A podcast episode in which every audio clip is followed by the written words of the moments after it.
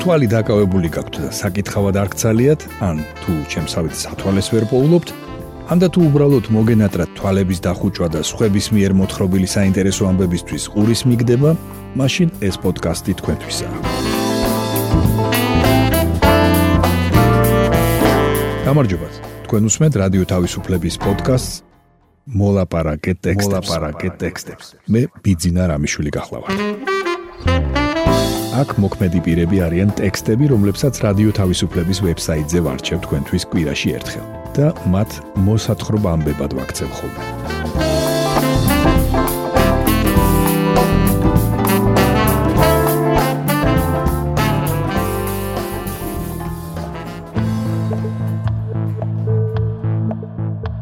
გესაუბრებით უკრაინელ გმირებზე, რომლებმაც თავი გამოიჩინეს ამჟამად მიმდინარე ომში და მოგითხრობთ ერთ სამხრეთ კორეულ კინოფილმზე, რომელმაც დიდი მოწონება დაიმსახურა კანის წლევანდელ კინოფესტივალზე. მოისმინეთ თეატოფურიას სტატია გმირები უკრაინიდან. უკრაინის ომმა ბევრი გმირი დაბადა. 24 თებერვლიდან მოყოლებული მსოფლიო პირდაპირ ეთერში უყურებდა როგორ გამოდიოდა მოსახლეობა ტანკების წინააღმდეგ შიშველი ხელებით. როგორ იპარავდნენ ამ ტანკებს უკრაინელი ფერმერები და ტრაქტორებზე გამობმული მიჰყავდათ. როგორ ცვლიდნენ ადგილობრივები სოფლების ტრაფარედებს და იდი ნახუის აწერდნენ. აი რამდენიმე მათგანი, რომლებიც უკრაინის დამოუკიდებლობის დღეს გავიხსენეთ.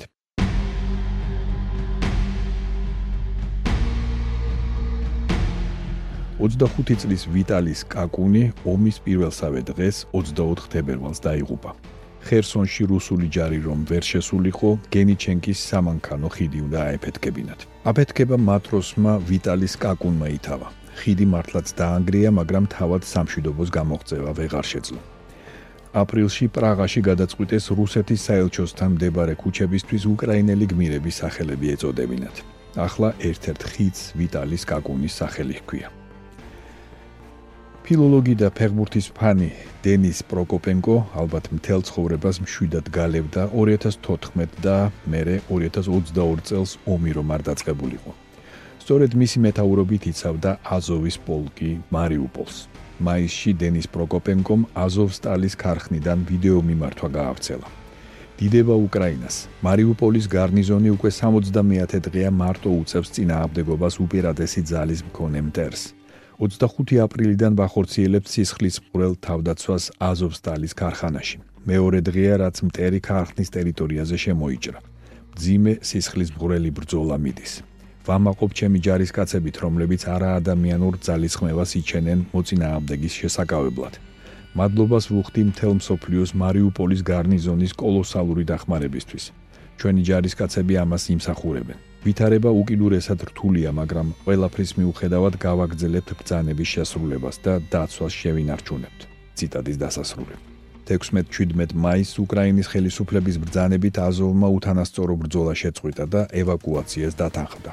მათი ნაწილის, მათ შორის დენის პროკოპენკოს ადგილსამყოფელი ამ დრომდე უცნობია. სავარაუდოდ ისინი ტყვეობაში იმყოფებიან. ეკატერინას პტაშკა იმიტომ დაარქვეს, რომ ერთხელ კონკურსზე ჩიტი დახატა. 21 წლის გოგონას დედა უკრაინულ სიმღერებზე ზრდიდა. აზოვსტალში მას შემდეგ მოხვდა რაც ჰოსპიტალი დაბომბეს და ექიმებმა მათ შორის მოხალისე პტაშკამაც თავი ქარხანაში აფარეს. აზოვსტალის ალყა დიდხანს გრძელდებოდა. დროდადრო პტაშკა აქვეყნებდა ვიდეოებს, რომლებზეც ის უკრაინულ სიმღერებს მღეროდა. ცდილობდა მსოფლიოს ყურადღება ასე მიეპყრო. მას შემდეგ რაც უკრაინელმა მებრძოლებმა აზოვსტალი დატოვეს, პტაშკა აღარ გამოჩენილა. ისიც სავარაუდოდ ტყვეობაშია. როდესაც ბოლოს დედას ელაპარაკას თხოვა, რომ დავბრუნდები ვარენიკები და შოკოლადის ტორტი გამიკეთე, ალუბლებითო. მას შემდეგ დედას ყველი და ალუბლები მუდმივად მაცივარში უდევს. ნებისმიერ წუთას რომ გამოვიღო და გავაკეთო, ეკნება ჩემს გოგოს ვარენიკები და შოკოლადის ტორტი ალუბლებით, ამბობს ის.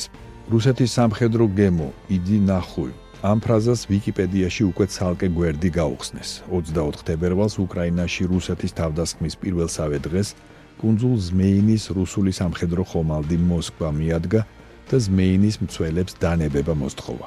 რუსეთის სამხედრო გემო იდი ნახუი უპასუხა ერთ-ერთმა მესაზღვრემ. ამის შემდეგ კუნძულის უკრაინელი მესაზღვრეების ბედზე კარგახანს 1000 ჭორმართალი დადიოდა. ხან ამბობდნენ რომ დახოცეს, ხან კი დაატყვევესო. საბოლოოდ აღმოჩნდა, რომ ისინი მართლაც ტყვედ იყვნენ ჩავარდნილები. მესაზღვრეები ერთი თვის შემდეგ რუს სამხედრო ტყვეებში გაცვალეს და მხოლოდ ამის შემდეგ გაირკვა, რომ უკვე მთელ მსოფლიოში პოპულარული ფრაზის ავტორი რომან გრიბოვი იყო. რომან გრიბოვი უკრაინის მთავრობამ დააჯილდოვა.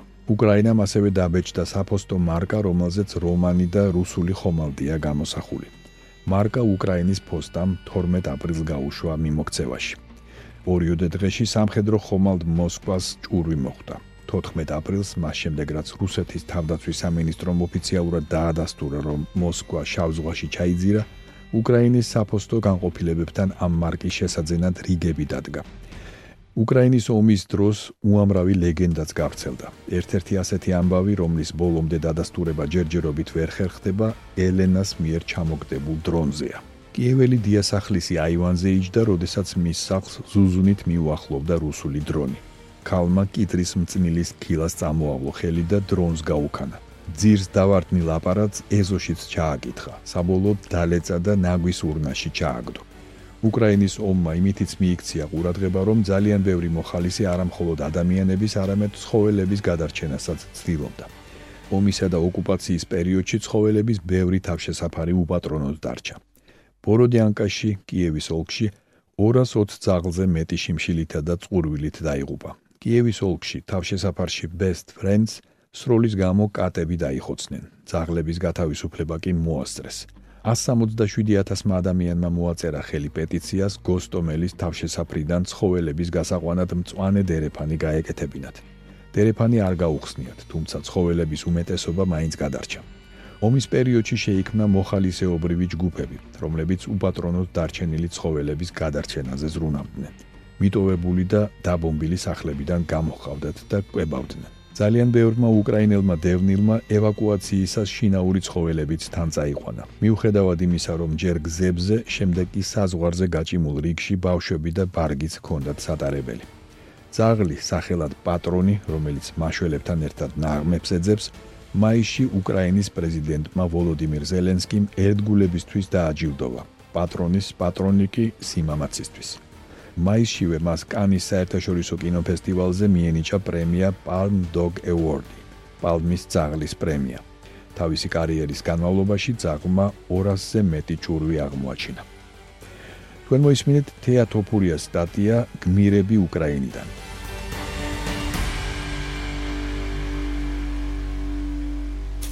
თქვენ უსმენთ პოდკასტს მოლაპარაკე ტექსტებს. ახლა გთავაზობთ გოგი გვახარიას რეცენზიას კინო რომელიც აჯადოებს. მასში საუბარია სამხრეთ კორეულ ფილმზე წასვლის გადაწყვეტილება.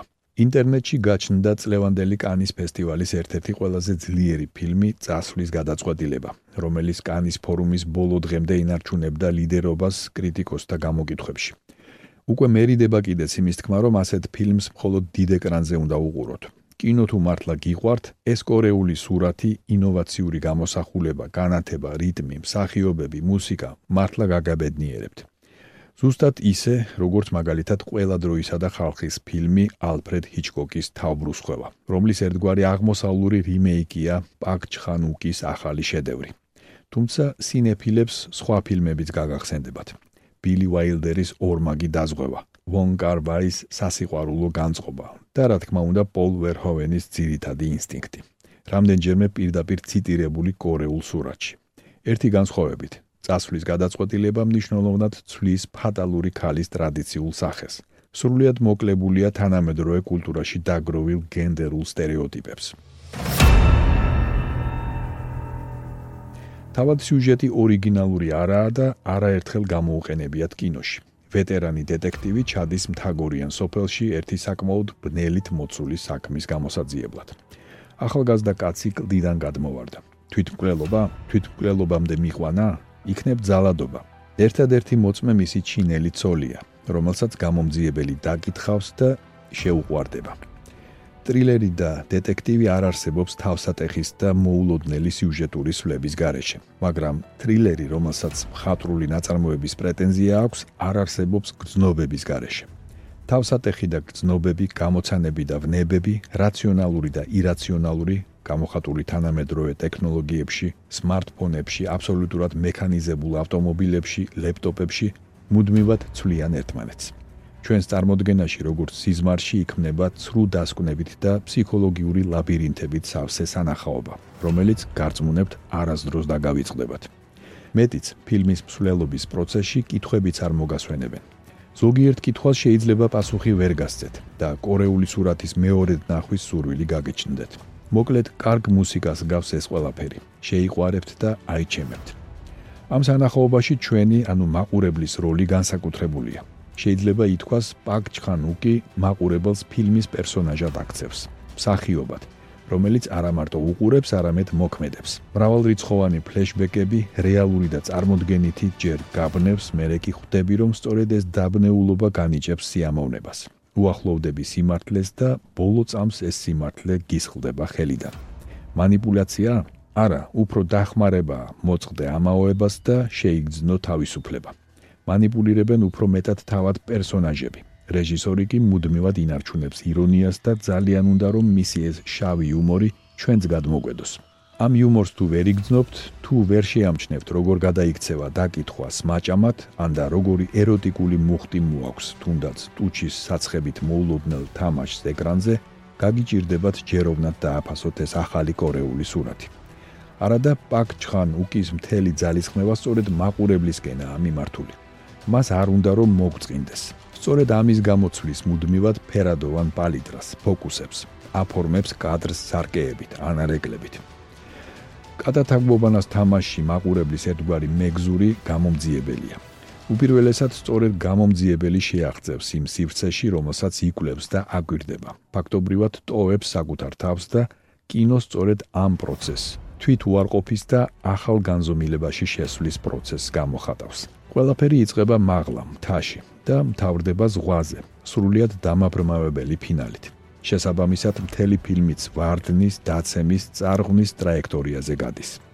თანაც აბსოლუტურ სიმეტრიაზე. ორი ქალი, ორი პოლიციელი, ორი მკვლელობა, ორი განსხვავებული ენა, კორეული და ჩინური და ორი მობილური ტელეფონი. ერთგვარი არქივი, გრძნობების, ვნებების, ეჭვის, მეტაფორების. კანის ფესტივალის ჟურიმ წასვლის გადაწყვეტილება აღნიშნა პრიზით საუკეთესო რეჟისურისთვის. არანაირად არ გაიმეტა პალმა კორეელი რეჟისორისთვის და ამ პრიზითაც თითქოს მხოლოდ პაკ ჩხანუკის ფორმალისტური ოსტატობა დააფასა. მაგრამ წასვლის გადაწყვეტილება არ არის მხოლოდ ფორმალისტური შედევრი, როგორც ამას ბევრი ამტკიცებს. არ არის მხოლოდ ესთეტიკური თამაში, რითაც ოდნავ წოდავდა რეჟისორი თავის წინა ფილმებში. წასვლის გადაწყვეტილება მთლიანობაში გლოვის ისტორიაა, ამბავი შეუძლებელ სიყვარულზე, მარადიული ამბავი ხელოვნებაში. რაც უფრო მეტად იხიბლება ქალით გამომძიებელი, მით უფრო რწმუნდება, რომ მართლა დამნაშავეა. საოცარია ეს გზნობა და კიდევ უფრო საოცარია ამ გზნობის გამოხატვა კინემატოგრაფიულ სახეებში. მით უმეტეს, რომ შეყვარებულები ფაქტობრივად ფიზიკურადაც კი არ ეხებიან ერთმანეთს. ასე იქმნება ტრილერი. ძალადობის და სისხლის გარეშე. ვნებიანი და ტრაგიკული სიყვარულის ისტორია სექსის გარეშე. გახსენდებათ ასეთი ფილმები თანამედროვე კინოში. მე არა. ეს გახლავთ გოგი გვახარიას სტატია კინო, რომელიც აჯადოებს.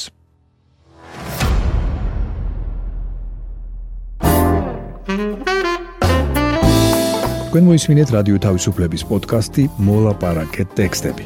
მე კვირაში ერთხელ ვარჩევ რადიო თავისუფლების ვებსაიტზე გამოქვეყნებულ ტექსტებს და მათ მოსათხრობამდებად ვაქცევ ხოლმე. ჩვენი პოდკასტი შეგიძლიათ გამოიწეროთ, ჩამოტვირთოთ ან მოისმინოთ პირდაპირ რადიო თავისუფლების ვებსაიტზე. მისი მისამართია რადიო თავისუფლება.ge. თუ ჩემი ერთ მოთხრობილი ტექსტები სრული სახით დაგაინტერესებთ, მათი მოძებნა იულია. ვებსაიტზე, პოდკასტის გვერდზე იპოვეთ ყოველ ცალკეულ პროგრამაში მოთხრობილი ტექსტების ბმულებს. მე ბიძინა რამიშვილი ვარ. მომავალ შეხვედრამდე.